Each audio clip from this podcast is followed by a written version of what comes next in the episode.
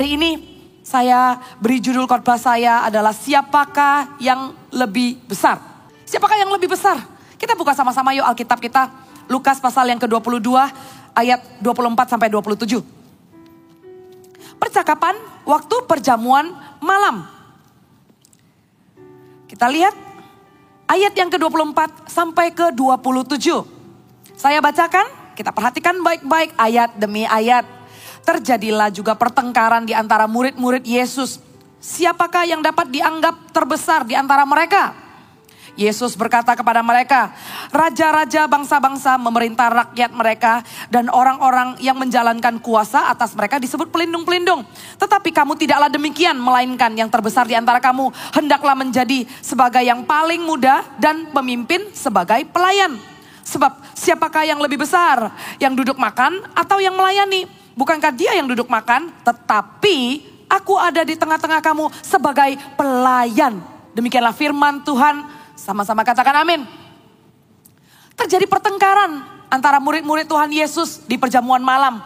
Saudara tahu nggak perjamuan malam ini bukan makan malam biasa. Tapi pemberitahuan tentang bahwa Yesus akan ditangkap. Pemberitahuan bahwa Yesus akan menderita, dikhianati dan disakiti. Suasana makan malam yang begitu tegang. Bayangkan saudara, kalau di salah satu malam hari lagi makan sama keluarga, tiba-tiba ada berita. Kalau tadi salah satu dari anggota keluarga ketemu dokter dan dokter katakan, misalnya siapa gitu ya, dari salah satu anggota keluarga sakit dan harus menjalani pengobatan yang lama. Sakitnya serius. Suasananya pasti akan fokus kepada apa yang orang itu alami, didoakan, ditanyakan are you okay? Tapi coba kalau di tengah-tengah makan malam dapat berita yang seperti itu.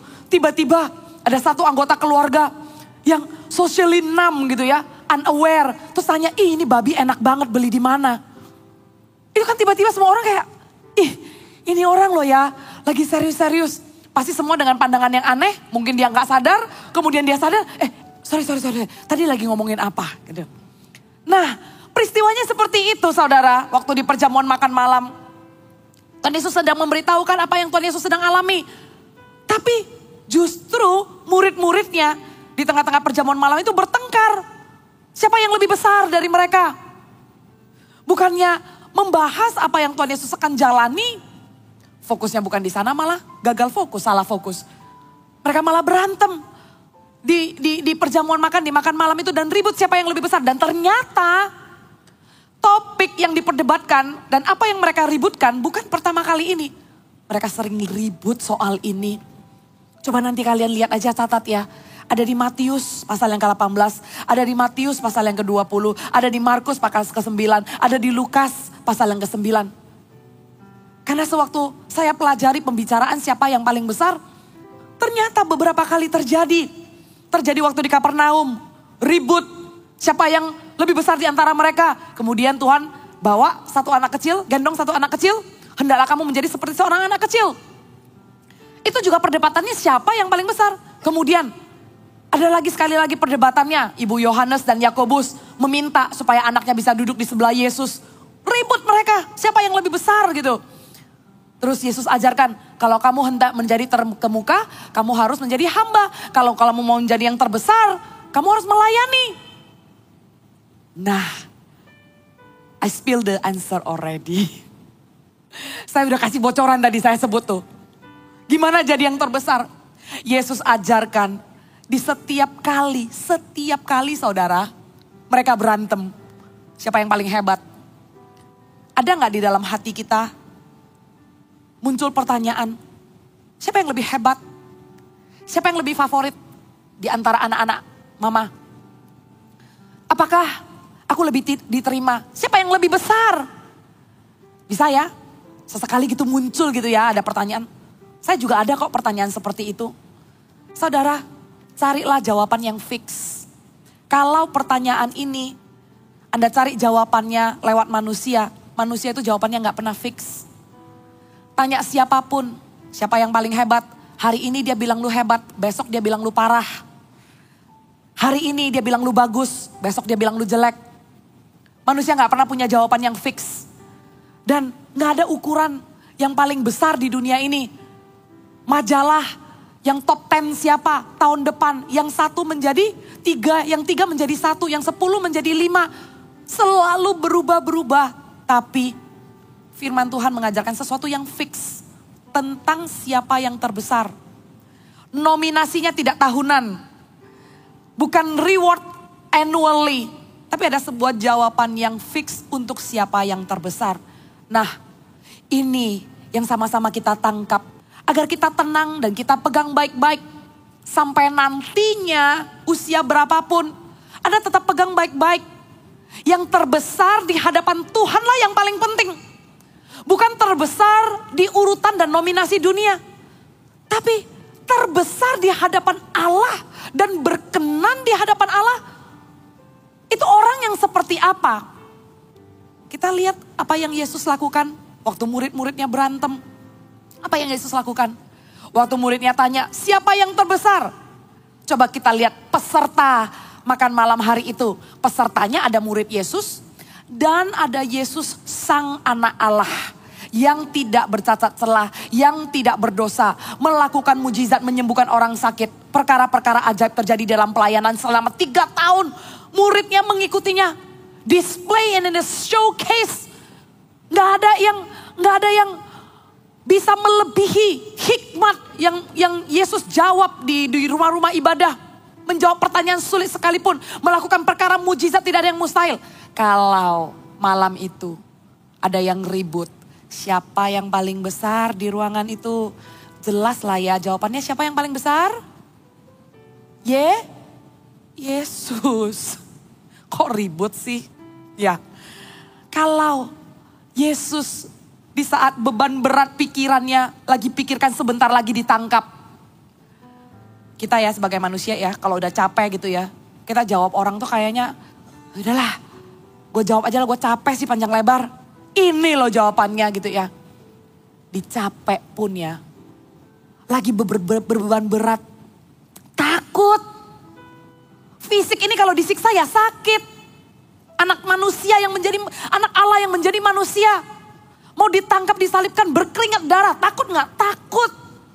Tapi Yesus berkata, menjelaskan kepada muridnya dengan sabar. Bukan melihat muridnya ribut-ribut. Terus kemudian Yesus jawab, I am the greatest. Kalian ngomong apa sih? Ribut apa sih? Kok di saat saya susah kalian justru ribut? Kok di saat saya mau ditangkap justru kalian memperdebatkan kalian siapa yang paling besar? Jawabannya kan udah jelas, I am the greatest. Apakah itu yang dilakukan Tuhan Yesus? Tadi kita baca di ayat yang ke-25. Bukan itu yang Tuhan Yesus lakukan. Tuhan Yesus enggak shortcut. Langsung mengatakan Tuhan Yesus yang terbesar. Karena menurut Tuhan Yesus prinsip kerajaan surga. Bukan caranya gitu menunjukkan yang terbesar. Bukan memaksakan otoritas. Yang terbesar itu bukan orang yang dari atas menekan ke bawah. Yesus langsung kasih teladan. Dan bukan pertama kali juga.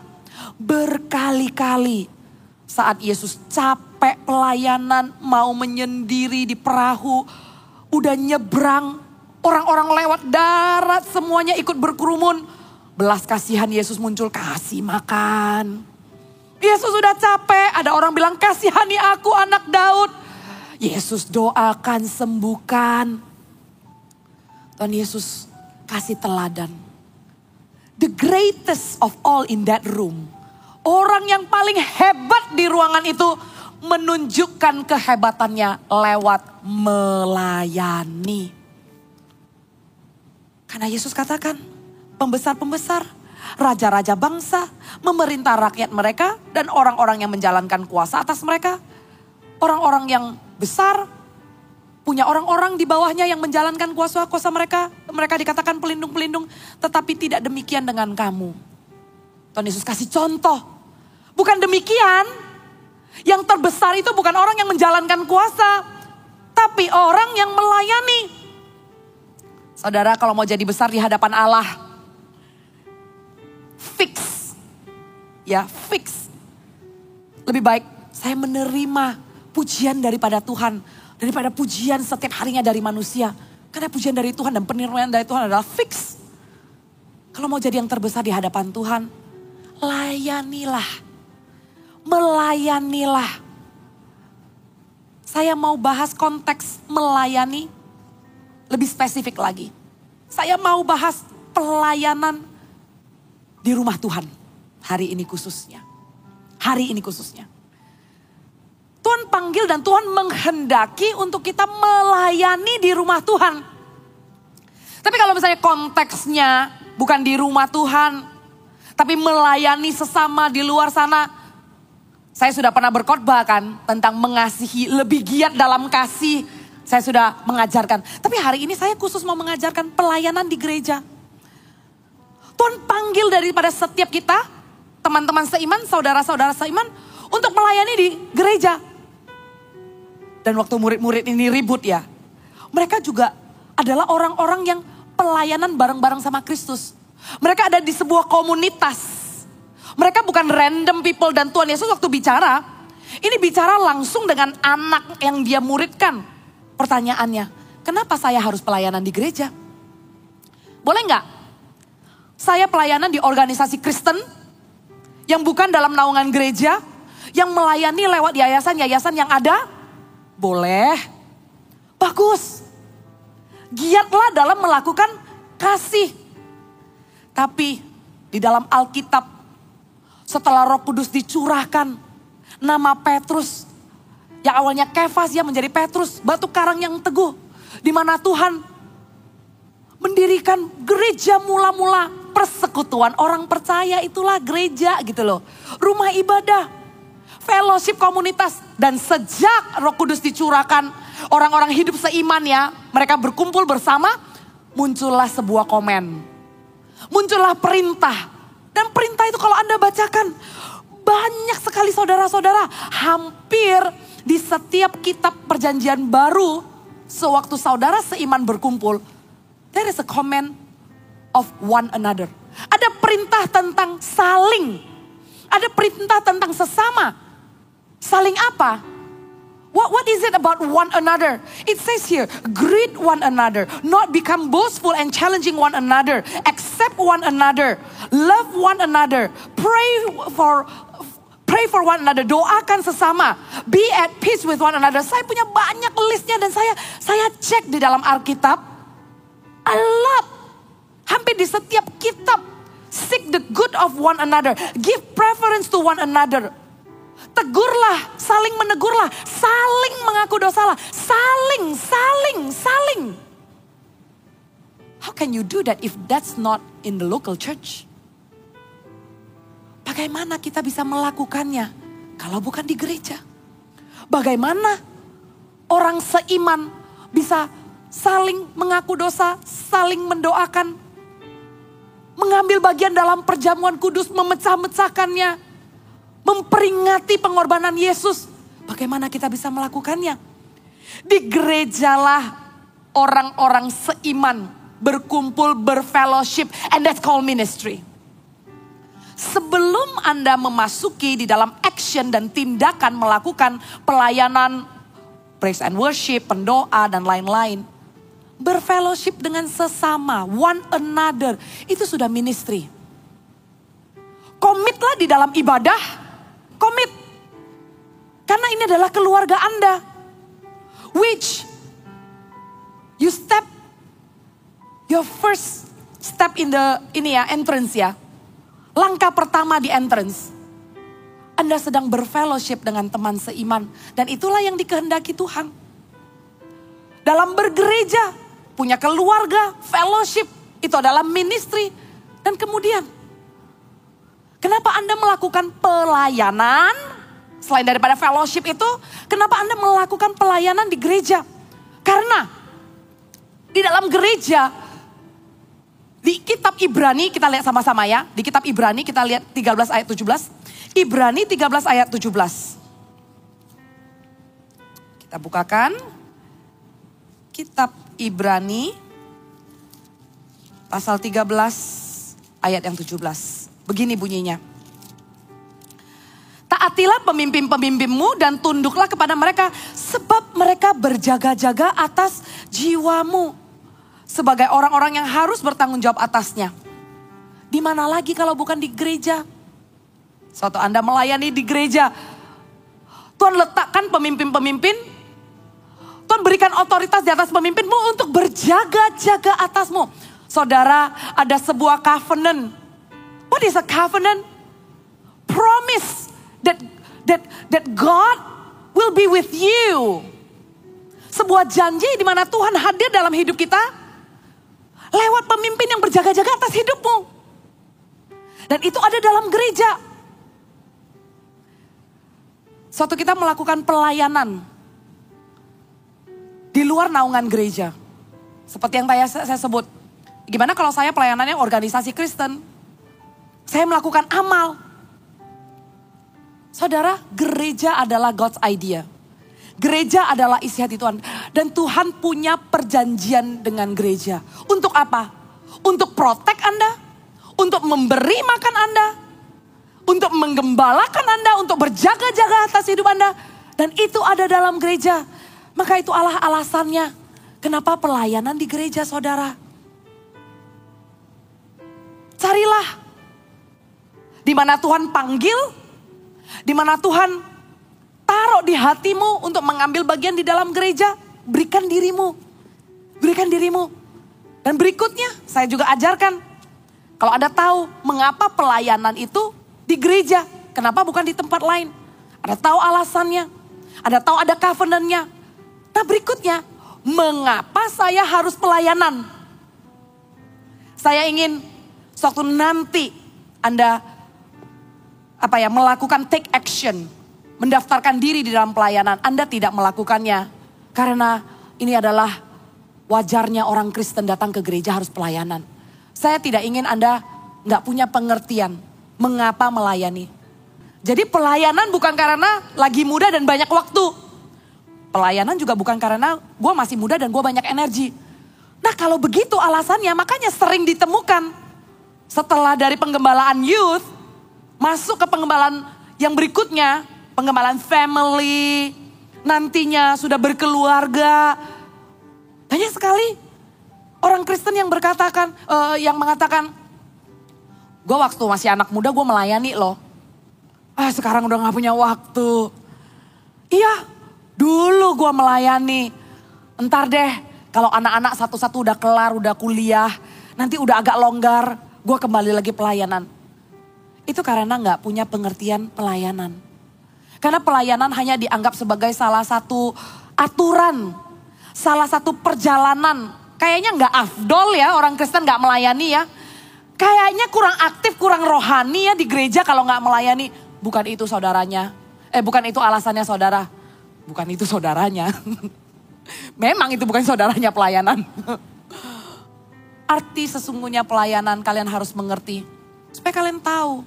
Ternyata pelayanan ini Bukan karena ada waktu, bukan karena banyak energi, bahkan bukan karena punya keahlian.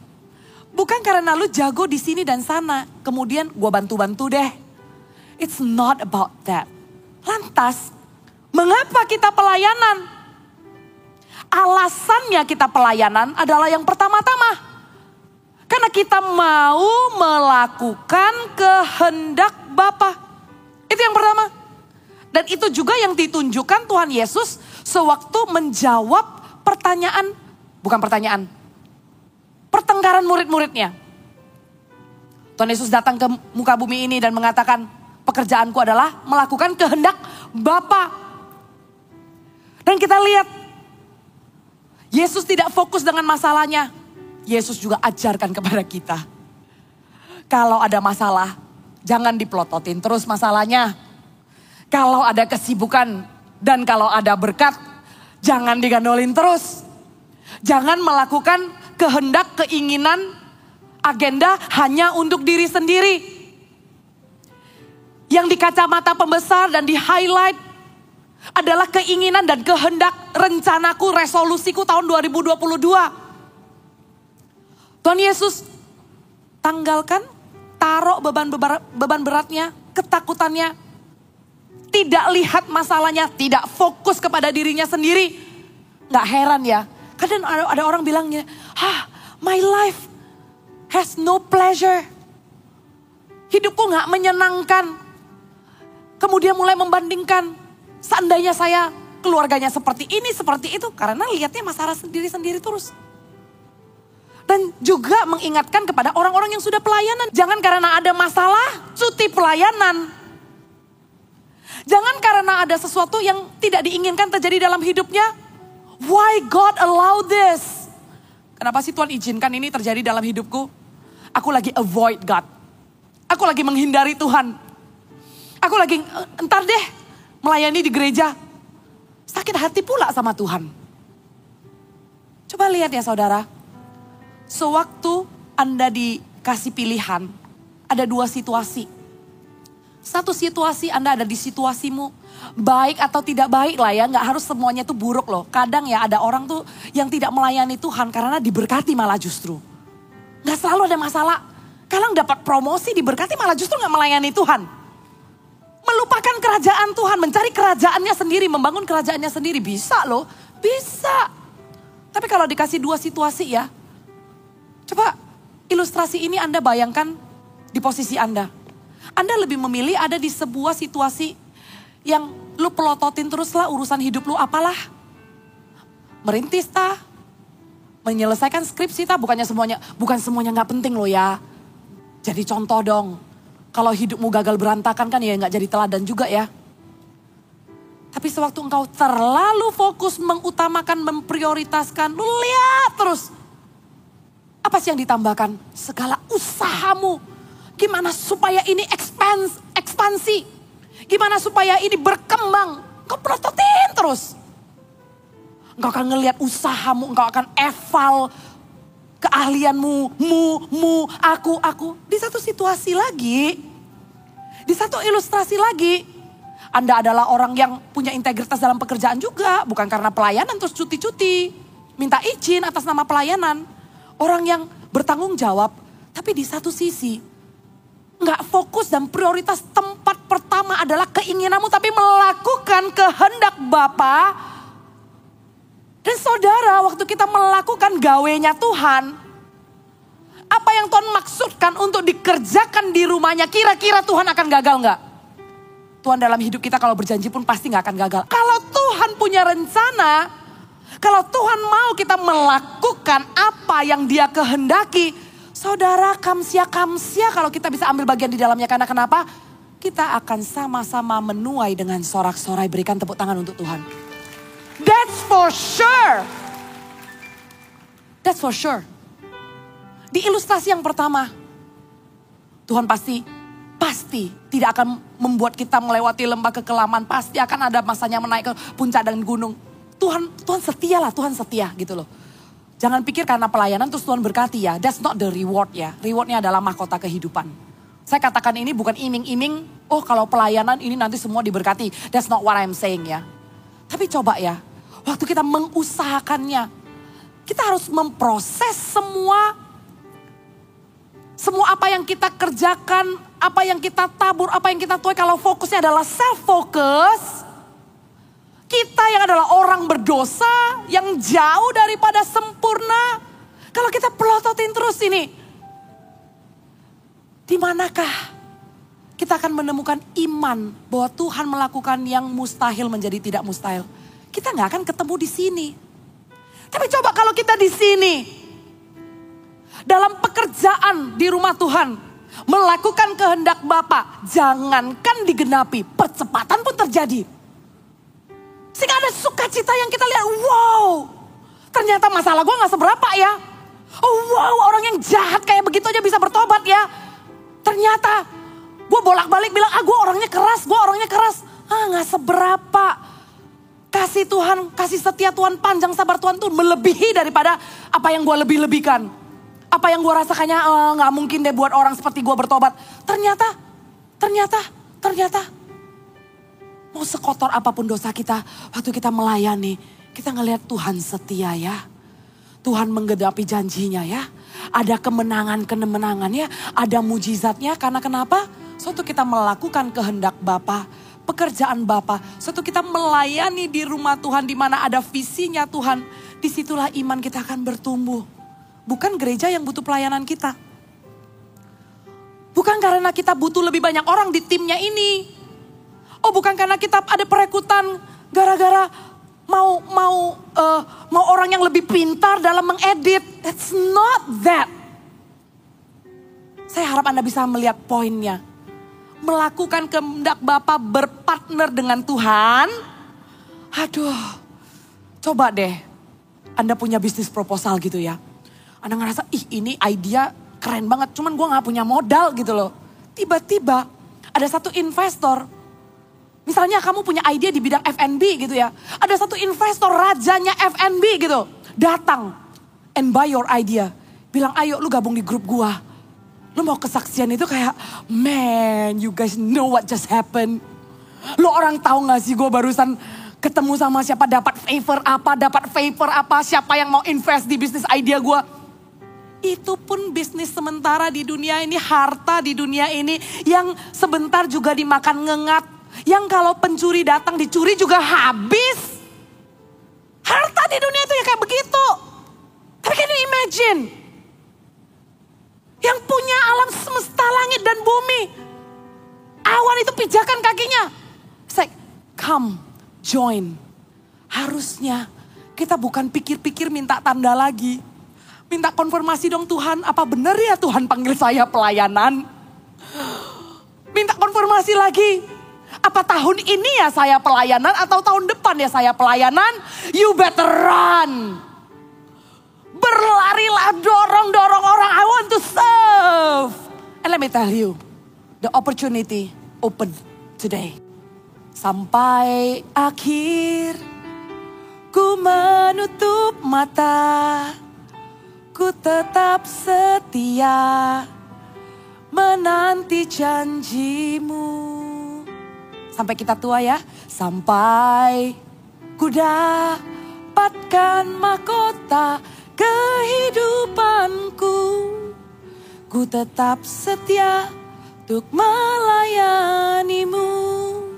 Badai hidup ada kok nanti. Waktu kalian membangun rumah tangga, parenting, anaknya mulai teenager, mulai beli buku bagi mam, ada buku yang judulnya You Are Not Crazy. Serius. Kata cici saya waktu anaknya mulai masuk teenager, nangis nangis. Anaknya yang begitu sweet itu berubah.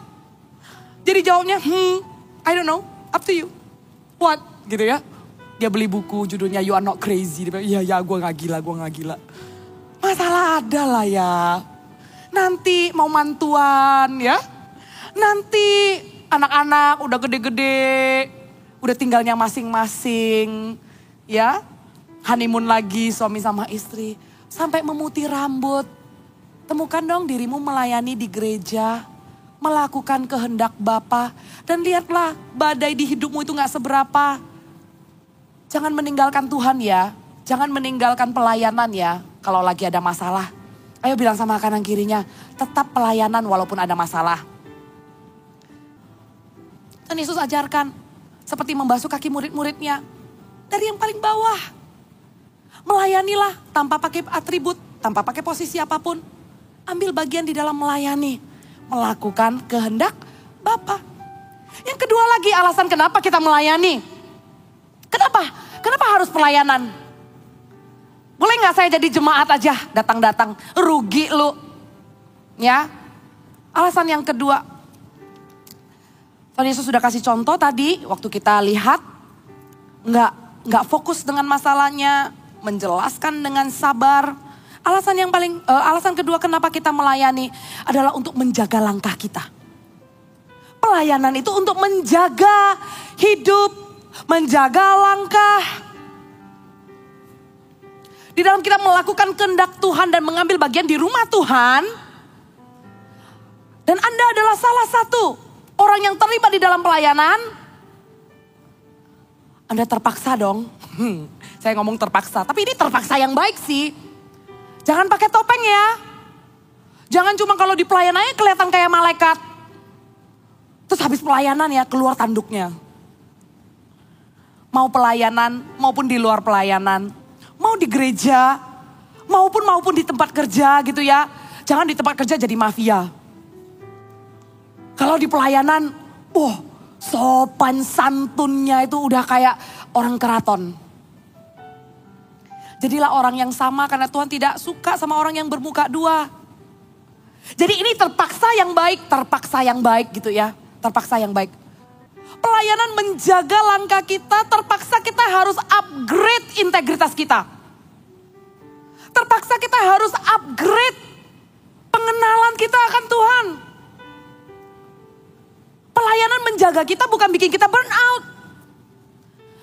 Pelayanan itu menjaga kita, bukan menyedot energi kita. Salah kaprah banget ya. Kalau ada orang yang bilang, gue cuti pelayanan dulu ya. Soalnya gue rada burn out. Gue capek. Sebenarnya bukan salah pelayanannya. Salah time management. Salah pengaturan. Dan biasanya, biasanya biasanya cek lagi ya. Suatu orang mengatakan burnout dalam pelayanan, bukan pelayanannya yang bikin burnout. Most likely, the spiritual is getting dry. Sudah tidak menemukan kehendak Bapa di dalam melakukan pelayanan itu. Sudah tidak menemukan tujuan pelayanan itu. Sudah tidak menemukan isi hati Tuhan yang membakar. Yang sebagai minyak. Yang membakar engine pelayanan itu sudah nggak ada. Jadi angle liatnya itu salah. Bukan pelayanan yang bikin burn out. Tapi apakah Anda menangkap maksud dan rencana Tuhan di dalam pelayanan itu? Spiritual lah yang harus dicek. Bukan jadwal pelayanan yang dicek. Bukan training-trainingnya yang harus dicek. Fellowship-fellowshipnya yang harus dicek. Bukan itu.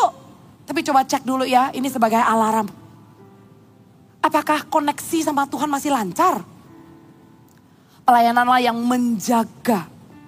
Menjaga langkah hidup kita, menjaga integritas kita, dan buat nantinya, buat orang yang nanti yang mau, daftar pelayanan ya, juga bagi yang pelayanan ya, kalau kita sudah pelayanan, jangan jadi batu sandungan dong. Ya, kalau sudah pelayanan, pinjem barang, cepet dong balikin. Kalau sudah pel Kok saya ngomong kayak gini kayak something wrong ya? Ya jangan cuma sudah pelayanan ya. ya harus sih. Lu pelayanan gak pelayanan ya, ya jangan utang sana sini gitu loh. Tapi khususnya jangan sampai, jangan sampai orang menudingkan and point finger. Sama anak Tuhan bilang begini loh, itu loh pelayanan utang gak dibayar-bayar. Menodai nama siapa? Itu bumerang yang kena ke semuanya. Itu loh. Tapi suka mabok-mabokan. Itu loh. Suka nawarin situs-situs yang gak senonoh. Padahal dia pelayanan. Forward-forward. Forwardan-forwardan hoax-hoax. Pornografi dibagi-bagikan. Kalau kita kita di dalam pelayanan ini anda lihat, Anda terpaksa.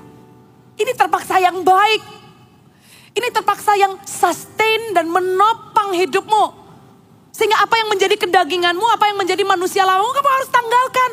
Aku mau tinggalkan semua ini ya, karena ada mahkota kehidupan, ada perkara di atas yang lebih besar yang aku harus kejar daripada ini ini. Tapi kalau kamu nggak punya alasan perkara di atas dan kamu nggak punya a better cause yang kamu kejar, kamu gak punya kekuatan untuk meninggalkan ini. Makanya alasannya pelayanan kenapa? Supaya kamu bisa lihat. Kamu punya perbandingan. Ngapain lah gue hidup sia-sia kayak begini. Mendingan gue kejar sesuatu yang di atas. Treasure in heaven. Alasan yang kedua itu adalah menjaga langkah kita. Alasan yang terakhir dan ketiga, mengapa kita perlu pelayanan. Karena pelayanan akan mengasah karakter kita. Ini yang ketiga. Pelayanan akan mengasah karakter kita. Yesus bilang sama murid-muridnya tadi di ayat yang ke-26 ya. Tadi raja-raja pembesar-besar. Orang-orang menjalankan kuasa dan mereka disebut pelindung-pelindung. Tetapi kamu tidaklah demikian melainkan yang terbesar di antara kamu hendaklah menjadi sebagai yang paling muda, garis bawah paling muda. Dan pemimpin sebagai pelayan, garis bawah sebagai pelayan. Jadi garis bawah dua hal ya. Karakter inilah yang Tuhan inginkan dalam pelayanan sampai kapan pun, sampai usia kapan pun. Supaya yang pertama garis bawah paling muda, Yang kedua, sebagai pelayan. Paling muda, sebagai pelayan. Paling muda, sebagai pelayan. Paling muda itu apa? Di dunia pada umumnya ya, like lumrahnya. Tapi kalau misalnya di society, anak muda tuh nggak nggak dikasih kredit gitu loh, nggak di acknowledge. Kalau misalnya ada barang yang harus diangkat, anak muda yang harus angkat, bukan orang tua. Kalau misalnya ada ada ada ada perjamuan makan, orang tua yang duduk, anak muda terakhir. Ada yang baru tahu? Saya kasih tahu ya, jangan duduk dulu ya. Silakan yang lebih tua duduk dulu itu etika-etiket loh ya, kita belajar. Enggak yang tahu-tahu datang, jebrek duduk gitu. Terus yang lain belum duduk, udah nyaman aja, udah PW aja gitu. Nah, Tuhan Yesus mau sewaktu kita melayani, mengambil bagian dalam pelayanan. Enggak ada yang namanya senior-senior. Mau kamu pelayanannya nanti baru mulai. Mau pelayanannya nanti lu udah jadi bapak-bapak di umum. Mau nanti kamu udah jadi ketua departemen. Mau nanti kamu jadi pemimpin divisi. Tetap seperti junior aja ya saudara. Amin. Tetap seperti junior aja. Jangan punya tingkah senior. Jangan punya merasa kayak lu harus lu harus bantu gua. This is not the thing I do. Ini bukan pekerjaanku. Ini dilakukan sama orang yang baru. Gua udah orang lama. This is not my thing. Paling muda. Paling muda harus kerja lebih banyak. Dan paling muda itu juga nggak mendapat kredit di dalam pelayanan. Jangan cari kredit. Kalau di eval jangan ngambek. Kalau ada gesekan jangan lari. Di dalam pelayanan inilah karakter akan diasah. Besi menajamkan besi, manusia menajamkan manusia. Jangan bilang ya, alasannya gua nggak mau pelayanan ya. It's because I don't want to get involved with people. Especially church people. Let me tell you, Isinya gereja, bukan malaikat saudara. Karena kenapa? As long as me and you is at church, church will never be a perfect place. Selama ada gua dan lu, gereja gak akan pernah jadi tempat sempurna. Gak pernah, gak pernah. Jangankan ada lu, ada gua aja gereja gak akan sempurna. Orang juga heran kenapa gue jadi gembala, kasih karunia saudara. Bener kasih karunia. Jadi jangan bilang, ah saya gak mau pelayanan ah. Nanti saya kaget-kaget sama orang gereja. You have a certain expectation. Kamu punya ekspektasi kalau orang di gereja harus sempurna. Orang di gereja harus kayak angel. Enggak saudara. Gereja tempat semua orang harus belajar mengasah karakternya. Jadi waktu kita pelayanan, jangan cari penerimaan, pujian, acknowledgement, Belajar untuk jadi paling muda sampai kapan pun tetap tetaplah punya sikap seperti junior. Dan tadi yang kedua garis bawahi sebagai pelayan. Sebagai pelayan, kalau engkau mau jadi terkemuka di antara di antara semua orang, engkau harus melayani. Kalau engkau harus uh, uh, menjadi yang paling besar, engkau menjadi hamba. Hamba itu nggak menuntut. Hamba itu udah nggak punya hak Jadi waktu kita melayani, jangan menuntut balasannya. Aku udah melayani. Tapi ideku gak didengar. Buat apa aku pelayanan? Lagi melayani. Maksudku baik mau bawa perubahan. Hah orang-orangnya gak selevel. Gak usah lah, gue mendingan cari klub yang lebih sophisticated. Sia-sia potensi gue di sini. Mereka lo gak ngerti yang namanya keren apa. Oh, you miss, you miss the best blessing. Karena pelayanan bukan tentang task oriented. Pelayanan bukan tentang ide dan karyamu yang nantinya akan disanjung-sanjung. Bukan tentang keberhasilan dan kesuksesan yang kita lakukan di pelayanan. Tapi pelayanan yang sesungguhnya adalah bertumbuh di dalam mengasihi Tuhan dan mengasihi sesama. Ya kita mau kasih yang terbaik dong dalam pelayanan. Masa pelayanan modal hati aja, tapi waktu melakukannya salah semua.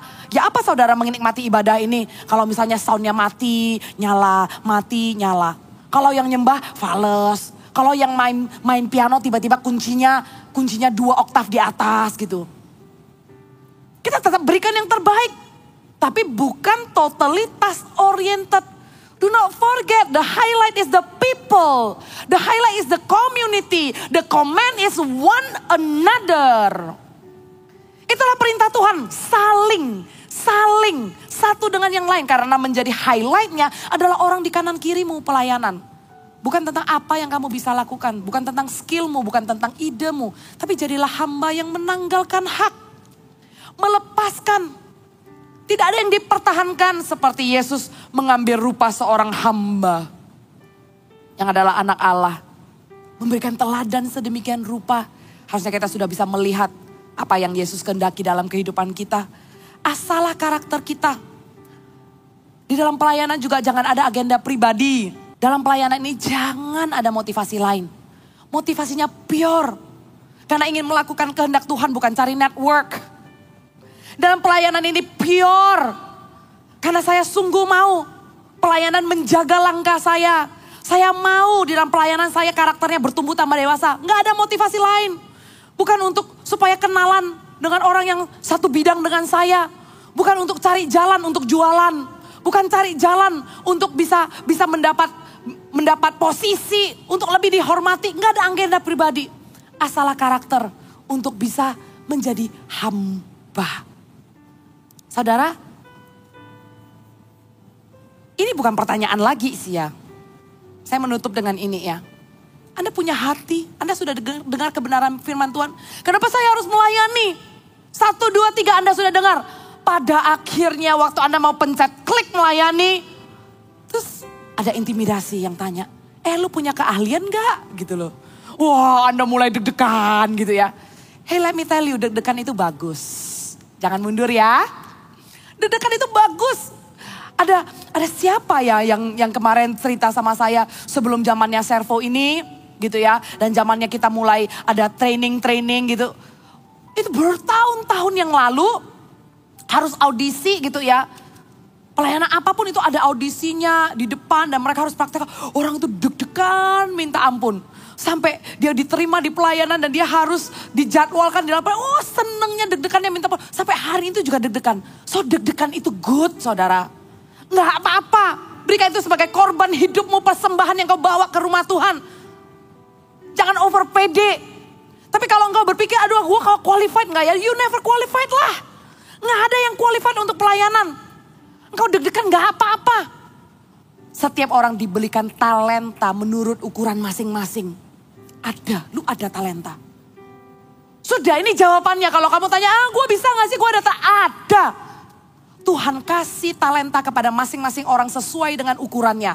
Ada yang dikasih satu talenta, ada yang dikasih dua talenta, ada yang kasih lima talenta. Tapi yang penting dikasih, ada.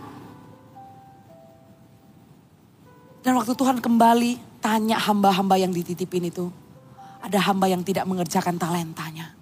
Dia tidak setia dengan perkara kecil.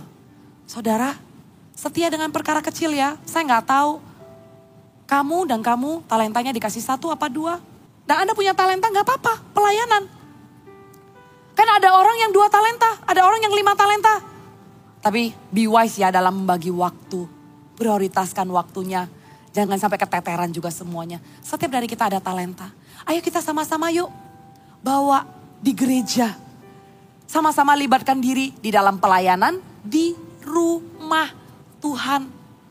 Dan lihatlah ada covenant Tuhan yang akan protect, yang akan shepherd, yang akan feed you, yang akan menjagamu, yang akan menggembalakanmu, yang akan memberimu makan. Sampai akhir menutup mata maka lihatlah rewardnya bukan di dunia ini, tapi mahkota kehidupan.